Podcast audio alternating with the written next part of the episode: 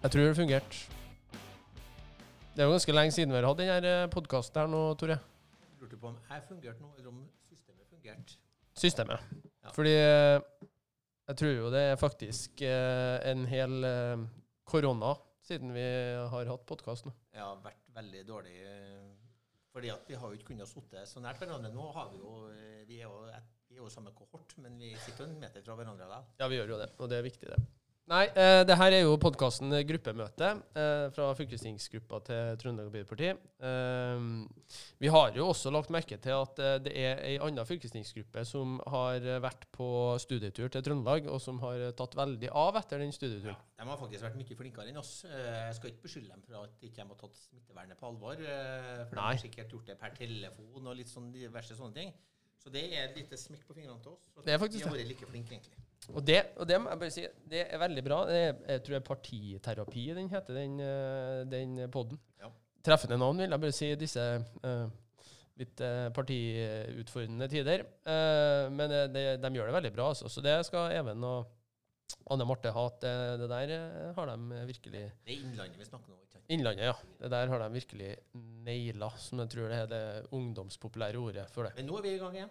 Nå er vi i gang igjen eh, med, en, eh, med en eh, slags Det her er en slags eh, intropod til hva vi skal faktisk gjøre framover. Fordi eh, vi har jo vi har jo ikke starta enda med liksom å sette i gang fullt fyrverkeri, men vi, vi har en plan om å gjøre det nå framover. Vi nærmer oss juletider, og vi budsjettprosess.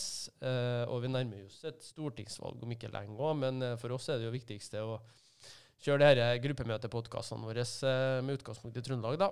Så mm, det skal vi nå fortsette med.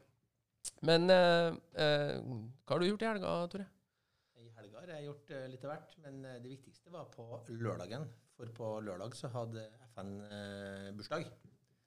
Da var FN eh, 75 år. Eh, Norge skrev jo under eh, denne traktaten i juni 1945, men eh, eh, selve pakten trådte i kraft den 24. oktober.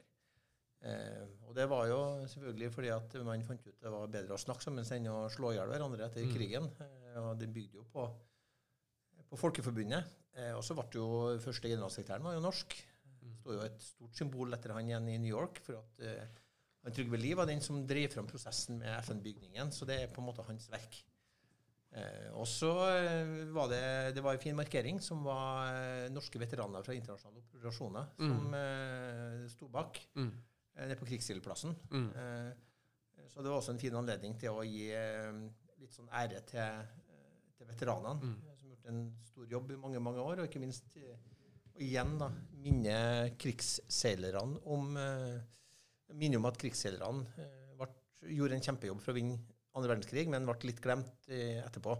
Som vi også har gjort, mener jeg, da, Mm. over mange år med veteraner. Men nå er det et godt veteranarbeid, eh, og det skal ikke minst de internasjonale veteranene ha, Mm. ha ære for at de har tatt opp.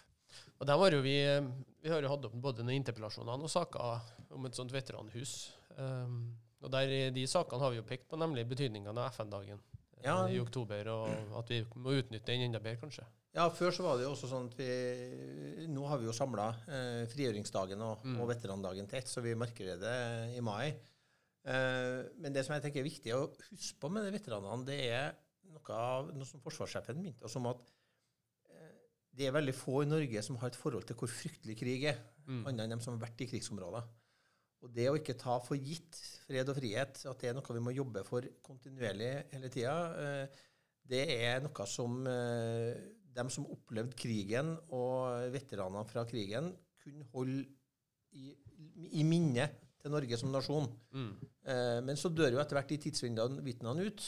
Og da er det mange av dem som har vært i internasjonale operasjoner, og mange av dem har med seg fæle opplevelser hjem igjen og har slitt.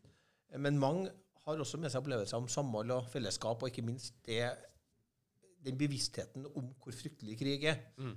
Eh, og det minnet tror jeg er viktig å ha med oss når vi også da eh, driver med samfunnsplanlegging i Norge, at vi, vi har i bakhodet. Så eh, all grunn til å ta vare, godt vare på veteranene. Eh, stille opp om eh, markeringene de har, eh, sånn som i helga i forbindelse også med, med FNs jubileum.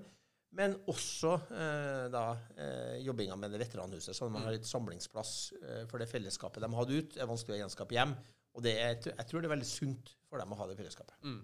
Nå skal jeg prøve meg på en slags overgang her, da, fordi eh, FN er jo, som du sier, og tanken bak har jo vært et symbol for eh, fred og frihet og dialog og, eh, og internasjonalt samarbeid i mange, mange år. Eh, og så er det jo snart en hendelse borti USA uh, der man i dag har en president som kanskje syns at det der med Altså Han har jo prøvd seg på noen dialoger i løpet av sin periode. Jeg vil, jeg vil kanskje ikke påstå at de har lyktes veldig godt, men det er i hvert fall et presidentvalg som står for tur. og Man kan jo si at litt av verdens framtid når det er knytta til hvordan tone man skal ha i ordskiftet og internasjonalt samarbeid og tanken om fred og frihet, den eh, føler jo kanskje vi at står litt på spill eh, den gangen her. Du har jo plutselig blitt sånn eh, Adresseavisens ekspertkommentator på den amerikanske valgkampen. Eh, og det er vel ikke noe tvil om hvem du heier på?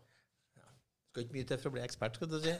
Nei, jeg følger ganske mye med på den amerikanske valgkampen. Jeg var jo, var jo der under valget i 2008. Jeg var der i 2016. Jeg har til og med vært på både Obama-rally og Trump-rally. Eh, og våkna opp i Pittsburgh da, for fire år siden i sjokk eh, over eh, at Trump hadde vunnet. Men det er klart, det står mye på spill. Mm. Eh, både når det gjelder det å ikke anerkjenne vitenskap, det å undergrave demokratiet, det å Eh, at USA blir seg sjøl nok mm. i en eh, verdenssituasjon der vi vet at noen fyller det tomrommet. Mm. Uh, altså USA, på godt og ondt, er jo at det er et land man både hater og elsker.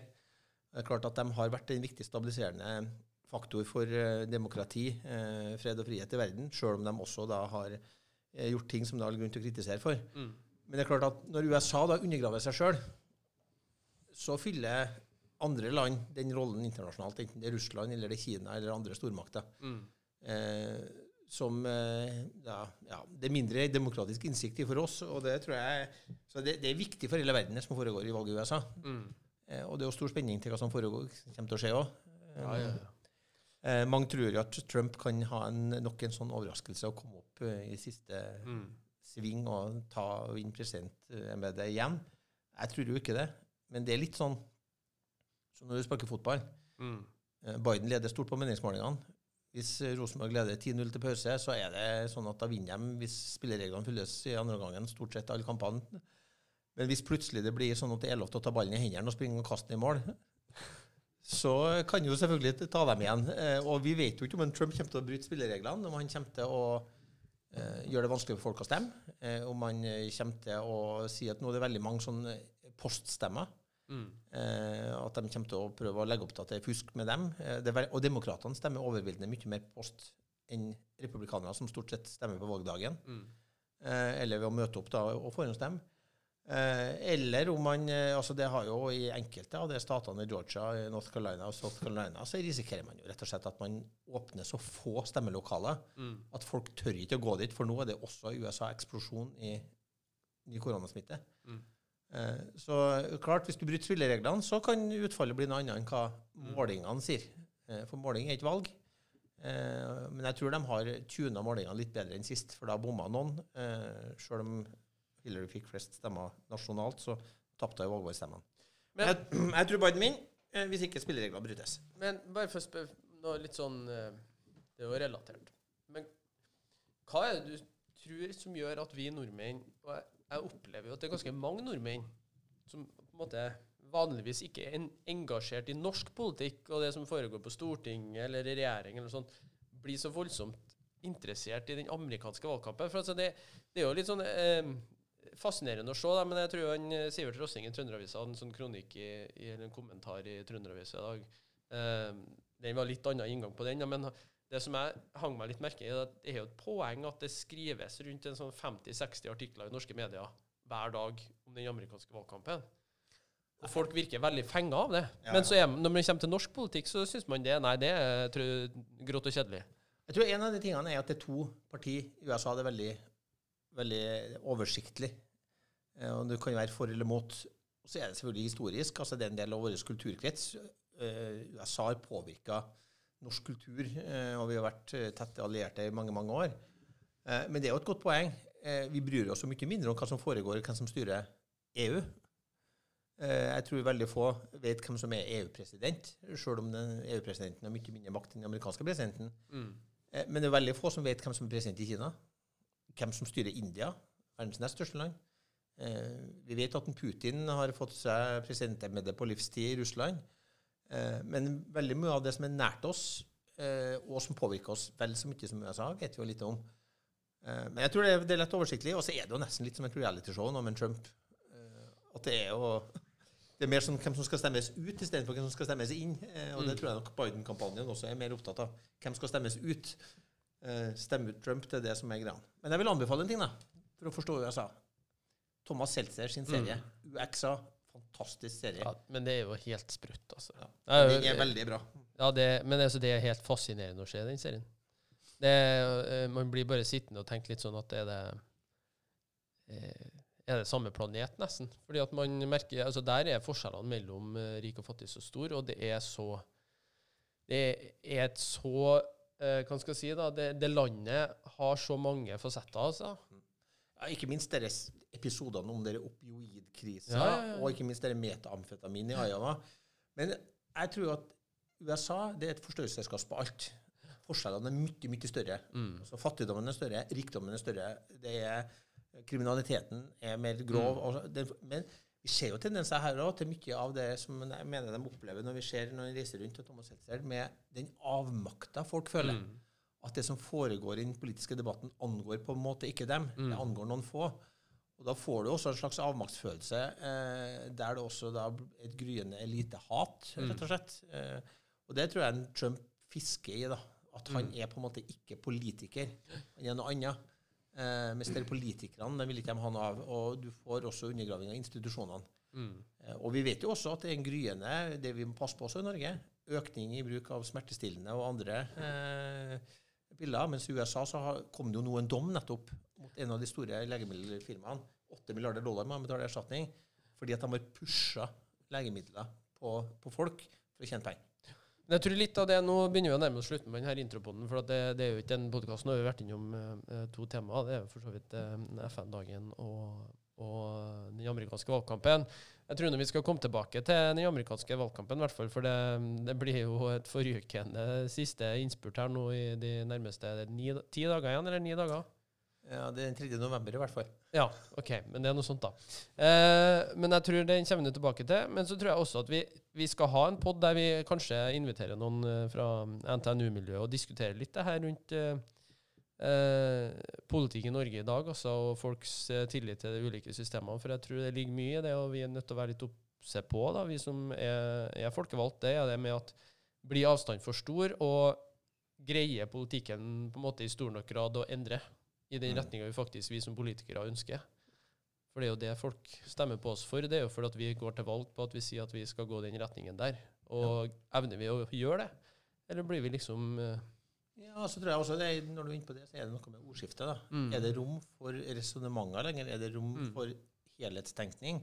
Eller blir ordskiftet så hardt? Jeg så eh, på Torp sist Mm. eh, Anki Gerhardsen, mm, eh, som snakka litt om det at ordskiftet blir så tøft at du skremmer enkelte bort ifra det. mm, Eh, og det tror jeg kanskje mange opplever. da. Jeg tror jo flesteparten syns at veldig mye av ordskiftet er så hatsk og så aggressivt, også her i Norge, at de skygger unna en del debatter, skygger unna eh, den politiske debatten.